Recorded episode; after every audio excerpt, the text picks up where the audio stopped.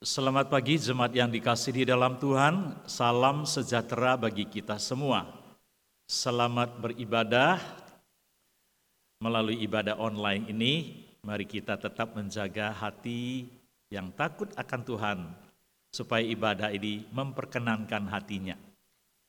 Mari sebelum kita mendengarkan firman Tuhan, kita berdoa terlebih dahulu. Bapa kami yang ada di dalam surga, kami mengucap syukur untuk hari yang baru Tuhan tambahkan buat kami. Meskipun kami berkumpul di tempat yang berbeda, tapi kami percaya roh Tuhan bekerja di tengah-tengah kami. Karena itu tuntunlah kami, pimpinlah setiap kami, agar ibadah dan pemberitaan firman ini menjadi berkat bagi kami semua. Di dalam nama Tuhan Yesus Kristus, kami bersyukur dan berdoa. Amin. Jemaat yang dikasih di dalam Tuhan, kita akan memikirkan sebuah tema, yaitu Yesus ditinggikan, direndahkan, dan dimuliakan, karena kita sedang menyiapkan hati untuk menyambut hari-hari kesengsaraan Tuhan Yesus. Kita akan membaca Injil Lukas pasal 19.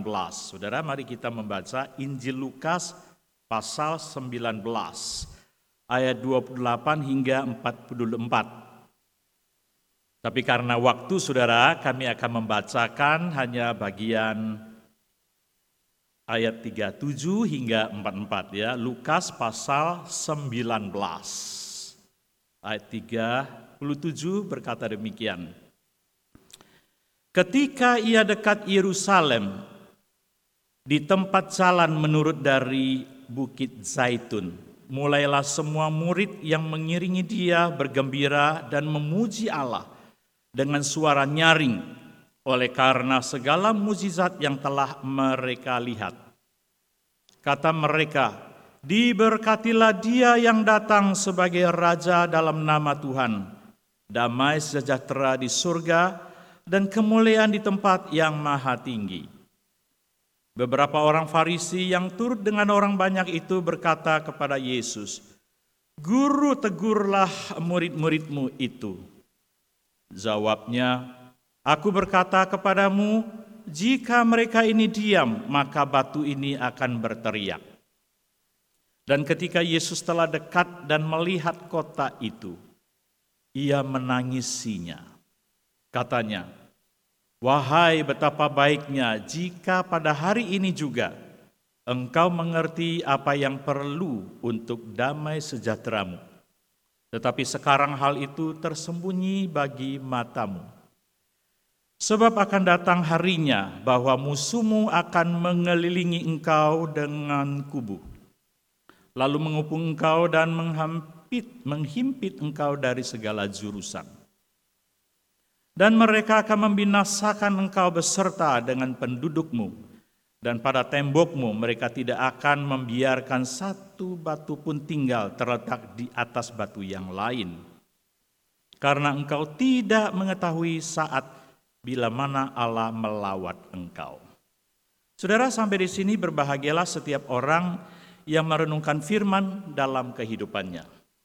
Nah saudara kita bersyukur Walaupun situasi seperti ini, kita tetap bisa mengenang, memperingati hari-hari kesengsaraan Tuhan Yesus yang disebut Minggu Palma, Minggu Kesengsaraan. Nah, saudara kita ketahui bahwa Yesus Kristus adalah tokoh yang fenomenal atau tokoh yang kontroversial begitu ya. Sebagian orang itu yang menyanjung-nyanjung dia, meninggikan dia, mengakui dia sebagai Tuhan dan Juru Selamat. Tetapi sebagian orang, mereka tidak mengakui, mereka melecehkan Tuhan Yesus. Mereka menghina, bahkan tidak mengakui Yesus Kristus sebagai Tuhan dan Juru Selamat. Saudara, barangkali ini bisa terjadi di dalam keluarga kita, atau di tempat kita kerja, atau di lingkungan masyarakat, ada yang pro, ada yang kontra. Apa pun saudara, kita sebagai orang percaya tetap harus mempertahankan iman kita kepada Tuhan Yesus Kristus yang menjadi Tuhan dan Juru Selamat Dan apa yang dikatakan di dalam firman Tuhan, iya dan amin. Karena kita akan melihat pada akhirnya Yesus akan dimuliakan. Seperti firman Tuhan mengatakan semua orang akan bertekuk lutut dan semua lidah akan mengaku dia bahwa dia adalah Tuhan dan juru selamat. Terpujilah kemuliaan bagi Bapa untuk selama-lamanya, Saudara. Dan inilah menjadi harapan kita Itulah yang menjadi concern kita sebagai orang percaya. Berita kebenaran firman Tuhan ini tetap harus diberitakan. Nah hari ini kita sudah membaca bagian ini, kita melihat ada dua kelompok orang ya. Satu bagian adalah sanjungan orang banyak, saudara. Orang banyak ini dari mana ya saudara? Kita ketahui pada waktu Yesus Eh, menyembuhkan orang buta di Yeriko, kemudian juga Yesus menyelamatkan pemungkut cukai yang namanya Sakyus juga dari Yeriko, saudara. Di Injil Lukas pasal yang sebelumnya ya, dan kita melihat Yesus berjalan dari Yeriko menuju Yerusalem, kemudian akan ke Bukit Zaitun dan melewati kampung ya istilahnya itu kampung Betfage dan Betania. Jadi saudara bisa bayangkan perjalanan Tuhan Yesus yang begitu jauh makan sampai seharian begitu saudara. Jadi masa itu sudah otomatis berkumpul dan mengikuti Tuhan Yesus.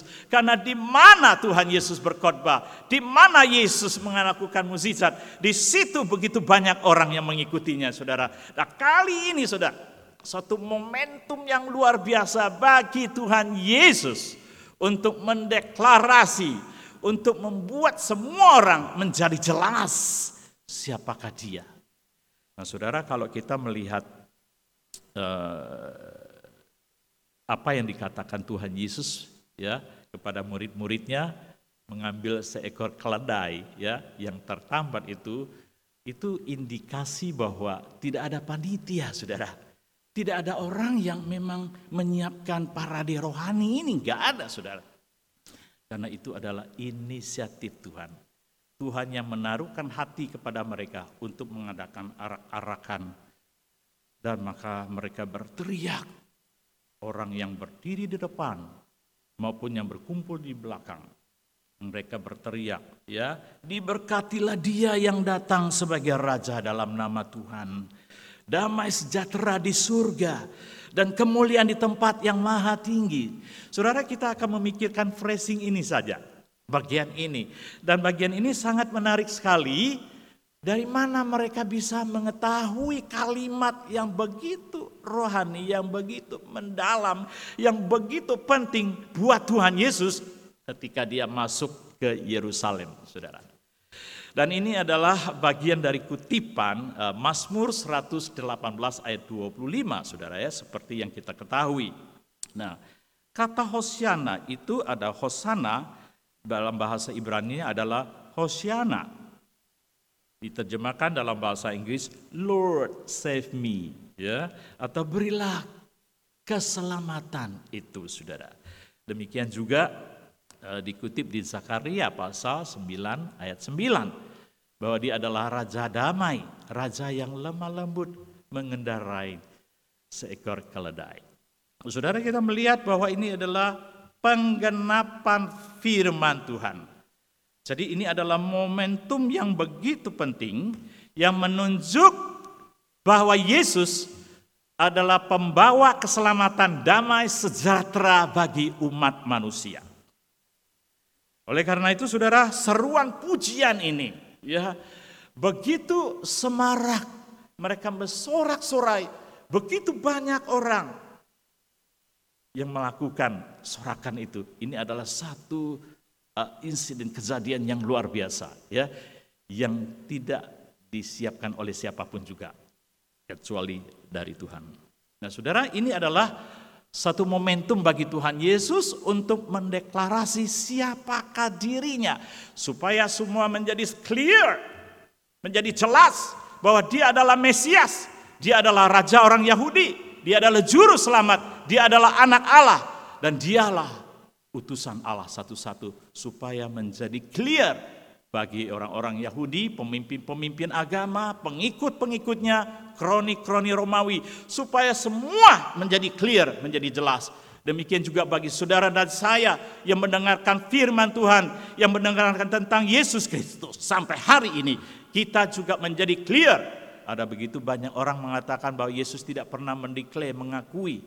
Kali ini kita melihat Yesus mengizinkan dan Yesus memakai masa yang begitu banyak untuk arak-arakan masuk ke kota Yerusalem supaya semua orang menjadi jelas bahwa siapakah Yesus itu sebelum dia disalibkan ini menjadi clear bahwa Yesus Kristus adalah Tuhan dan juru selamat.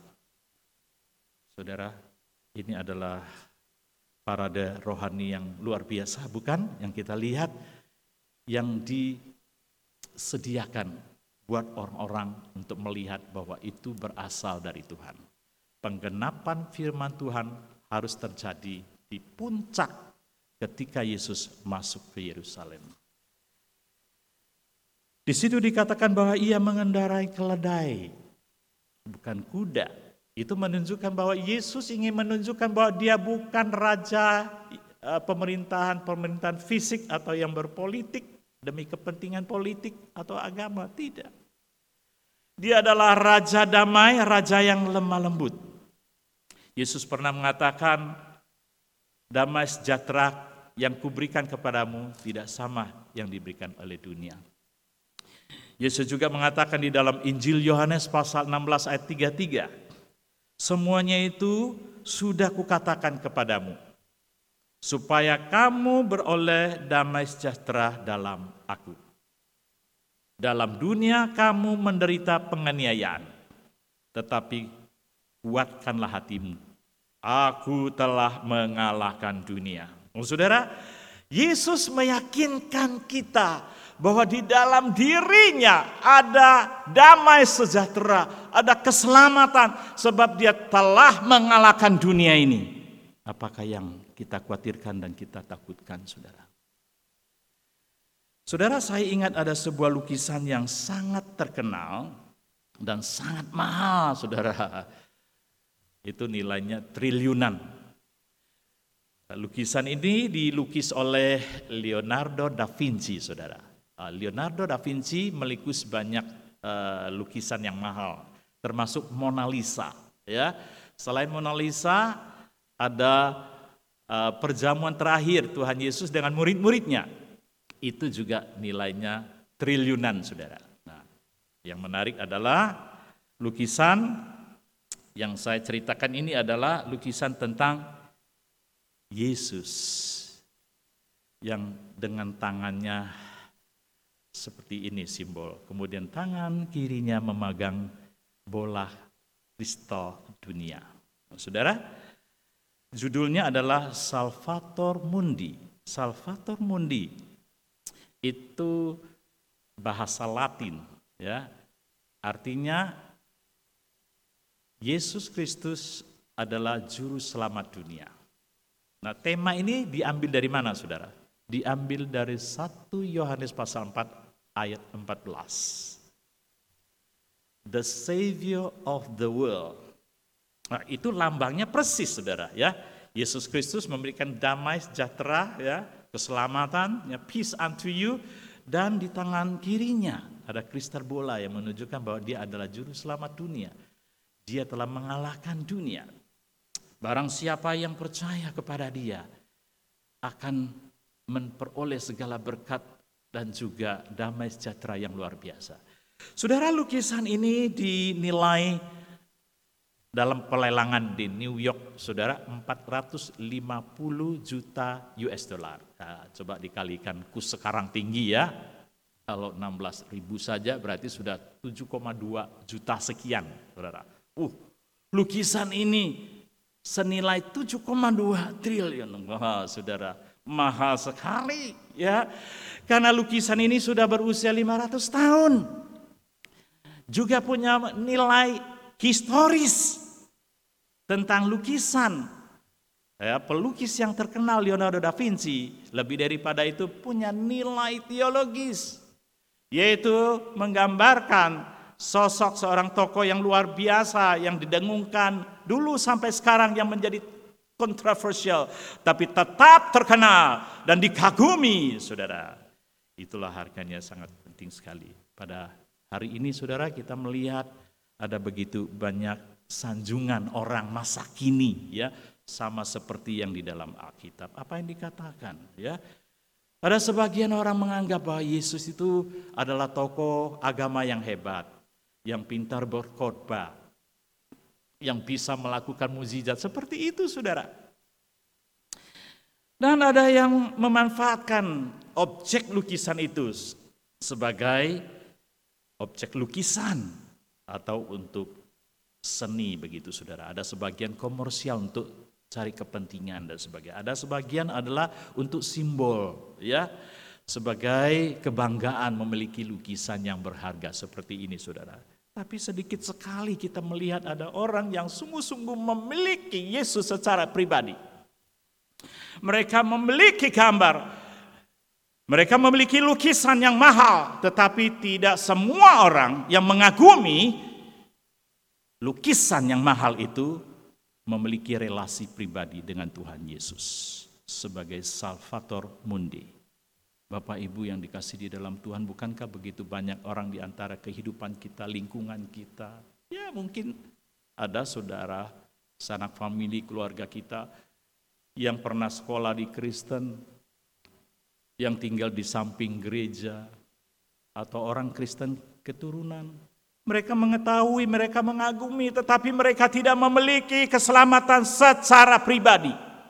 Mereka tidak memiliki damai sejahtera yang Allah berikan kepada mereka. Hari ini kita harus sungguh-sungguh bertobat. Tidak sekedar menerima Yesus sebagai simbol agama kita. Tetapi sungguh-sungguh menjadi Kristus atau Tuhan di dalam kehidupan kita saudara. Saya ingat ada seorang ibu yang mengaku sudah baptis di Sungai Yordan.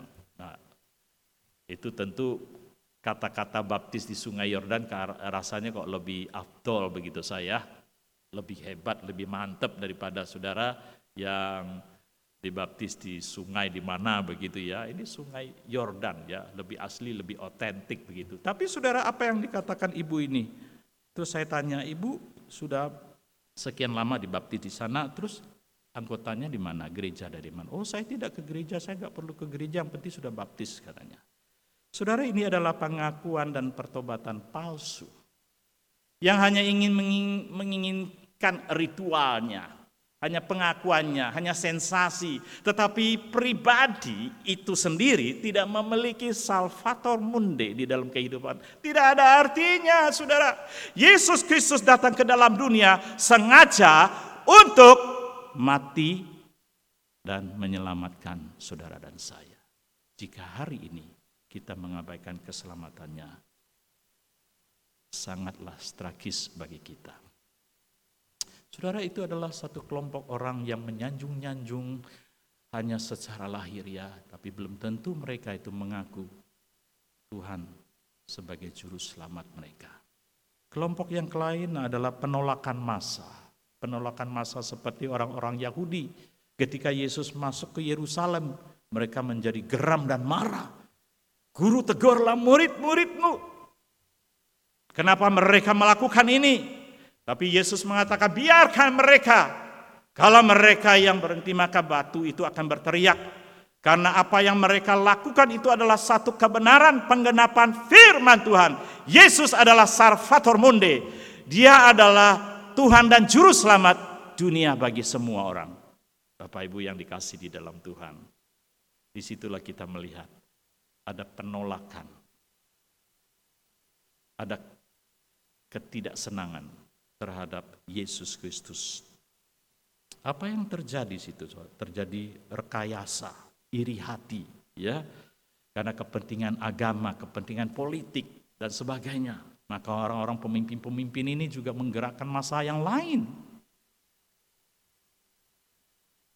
Bagi mereka yang tidak memiliki dasar iman yang kokoh, maka mereka digoyahkan. mereka diperjualbelikan. Mereka membuat berita-berita hoax supaya Yesus Kristus disalibkan. Saudara tidak heran ada teriakan-teriakan Hosana, Hosana berubah menjadi salibkan dia, salibkan dia. Betapa tragisnya saudara, satu perubahan keadaan yang luar biasa. Di satu segi mereka menyanjung-nyanjung, tapi di satu segi mereka mening, merendahkan Tuhan Yesus. Saudara gelar-gelar Yesus seperti Mesias ya. Yesus Kristus sebagai juru selamat, raja orang Yahudi, Yesus anak Allah, itu dibuat ejekan Saudara. Gelar-gelar yang luar biasa yang dimiliki oleh Tuhan Yesus jadi bahan olok-olokan, pelecehan, penghinaan. Itulah yang terjadi. Bukan hanya pada waktu itu saudara, tapi zaman sekarang katanya di Yerusalem. Barusan ini saya baca ada tulisan coret-coretan di dinding di sebuah gereja koptik dalam bahasa Ibrani. Kata-kata itu mengejek Tuhan Yesus. Kalau kita dengar mungkin agak geli dan jeli saudara. Kata-kata itu berbunyi, Yesus itu monyet. Sebab itu Yesus menangisi Yerusalem. Karena Yerusalem tidak mau bertobat. Yerusalem menolak Yesus Kristus sebagai Salvator Mundi. Menolak Yesus yang memberikan damai sejahtera bagi kota mereka, bagi umat. Tapi mereka tidak mau bertobat. Maka Yesus mengatakan bahwa bait Allah yang kokoh ini akan runtuh berantakan dan tidak ada satu batu pun yang tertinggal di sana. Mereka tidak mengerti. Tapi itu terjadi pada tahun 70 pada waktu Kaisar Titus datang menyerang dan menghancurkan kota Yerusalem. Itulah kenapa Yesus menangisi kota Yerusalem. Yesus juga menangisi saudara, keluarga saudara, kerabat saudara yang masih menolak dan tidak mau bertobat dan percaya. Yerusalem hancur berantakan. Namun bagi orang-orang percaya, di dalam Tuhan Yesus Kristus. Kita punya pengharapan. Seperti firman Tuhan ini mengatakan, Hosana bagi raja yang datang dalam nama Tuhan. Damai sejahtera dari surga di tempat yang maha tinggi. Kalimat yang menyanjung, kalimat yang menyatakan pengagungan Tuhan di kemudian hari ini juga akan terjadi. Yerusalem akan dihancurkan, tapi akan ada Yerusalem yang baru bagi setiap orang yang percaya. Berarti kita akan memiliki pengharapan. Kita akan memiliki tempat yang indah di Yerusalem yang baru yang Tuhan janjikan bagi kita. Saya ingat sebuah nyanyian yang tidak asing bagi kita, nyanyiannya berjudul The Holy City, karangan Stephen Adam. Nah saudara nyanyian itu menggambarkan tentang Yerusalem yang baru, ya, Yerusalem yang ditinggikan, kota suci Allah. Yerusalem, Jerusalem, sing for the night is.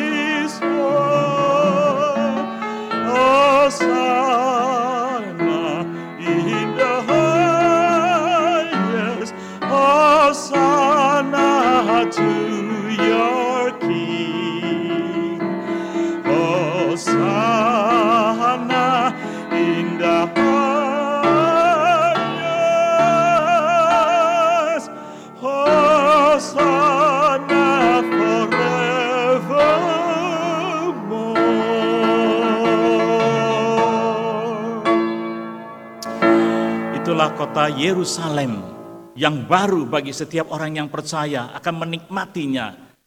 Dan itulah kebahagiaan yang luar biasa yang kita akan nikmati bersama. saudara nyanyian ini akan terjadi bahwa seperti yang dikatakan di dalam Wahyu bahwa akan ada Yerusalem baru buat kita semua sebagai orang-orang percaya yang setia kepadanya. Segala kemuliaan kita kembalikan kepada Tuhan. Saudara, jika engkau tidak percaya, tidak bertobat, engkau akan menyesal. Janganlah mengikuti orang-orang pada zaman sekarang. Zaman akhir ada begitu banyak orang yang murtad, mosi tidak percaya, mosi tidak taat kepada orang tua.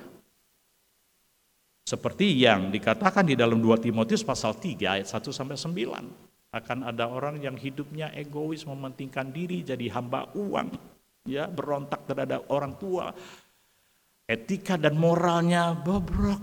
Mereka tidak takut akan Tuhan. Agama hanya secara lahiriah.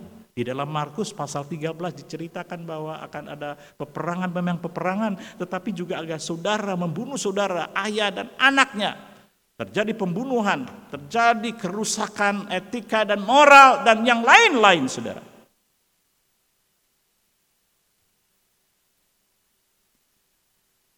Hari ini. Kalau keselamatan itu ditawarkan pada kita, betapa tragisnya kalau kita tidak mau berbalik kepada Tuhan. Saudara, begitu banyak negara dalam peperangan melawan COVID-19. Andai kata vaksin atau obat COVID-19 itu ditemukan, lalu ditawarkan, Apakah ada negara yang menolak? Apakah saudara berduga menolak? Tidak mungkin, sih kan? Demikian juga Yesus sudah mendeklarasi bahwa dia adalah Mesias. Dia adalah juru selamat dunia. Dia adalah Raja Damai. Dia sudah mendeklarasi supaya menjadi clear buat saudara hari ini. Tidak usah gengsi. Jangan terikat karena tradisi. Karena bukan karena yang mayoritas, tapi kita harus melihat apa yang dikatakan firman Tuhan hari ini. Yesus Kristus adalah Salvator Mundi. Saudara termasuk tipe golongan yang mana? Nah saudara saya ingat pada waktu Yesus disalib. Itu ada dua orang jahat.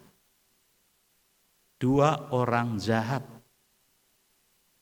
satu di samping, kiri kanan Tuhan Yesus. Yang saya itu itu mengolok-ngolok mengejek Tuhan Yesus. Kalau engkau adalah Tuhan Juru Selamat, turunlah dan selamatkan kami juga.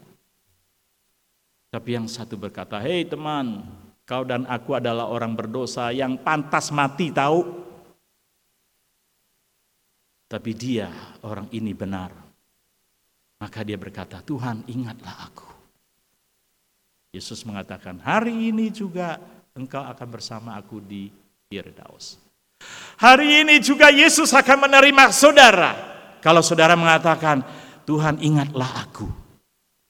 Tuhan akan memberkati saudara, kehidupan saudara, rumah tangga saudara, dan masa depan saudara.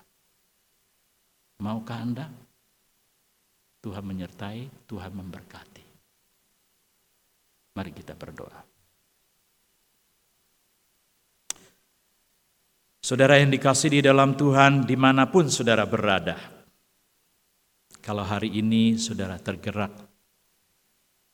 saudara mengakui Yesus Kristus sebagai Salvator Mundal, the Savior of the world, Juru Selamat dunia. Detik ini juga Yesus akan berkata bahwa engkau akan bersama aku di Firdaus. Adakah di antara saudara saya akan mendoakan?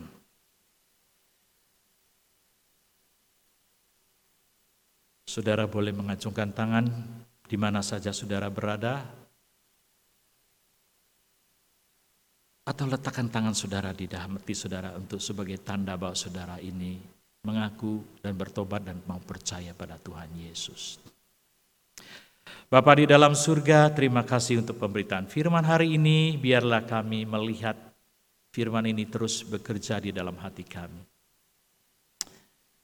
Biarlah dunia menjadi clear, menjadi jelas siapakah Tuhan Yesus itu. Ampunilah kami jikalau kami mengakui Tuhan hanya sebatas simbolis atau hanya sebatas lahiriah. Tuhan tolonglah setiap kami apabila ada Bapak Ibu yang di rumah mau percaya dan mau bertobat. Tuhan terimalah mereka sebagai anak-anak di dalam kerajaan Allah. Berkati mereka, sertai biar ada damai sejahtera dari Allah Bapa menyertai kita sekalian. Dalam nama Tuhan Yesus Kristus kami bersyukur dan berdoa. Amin.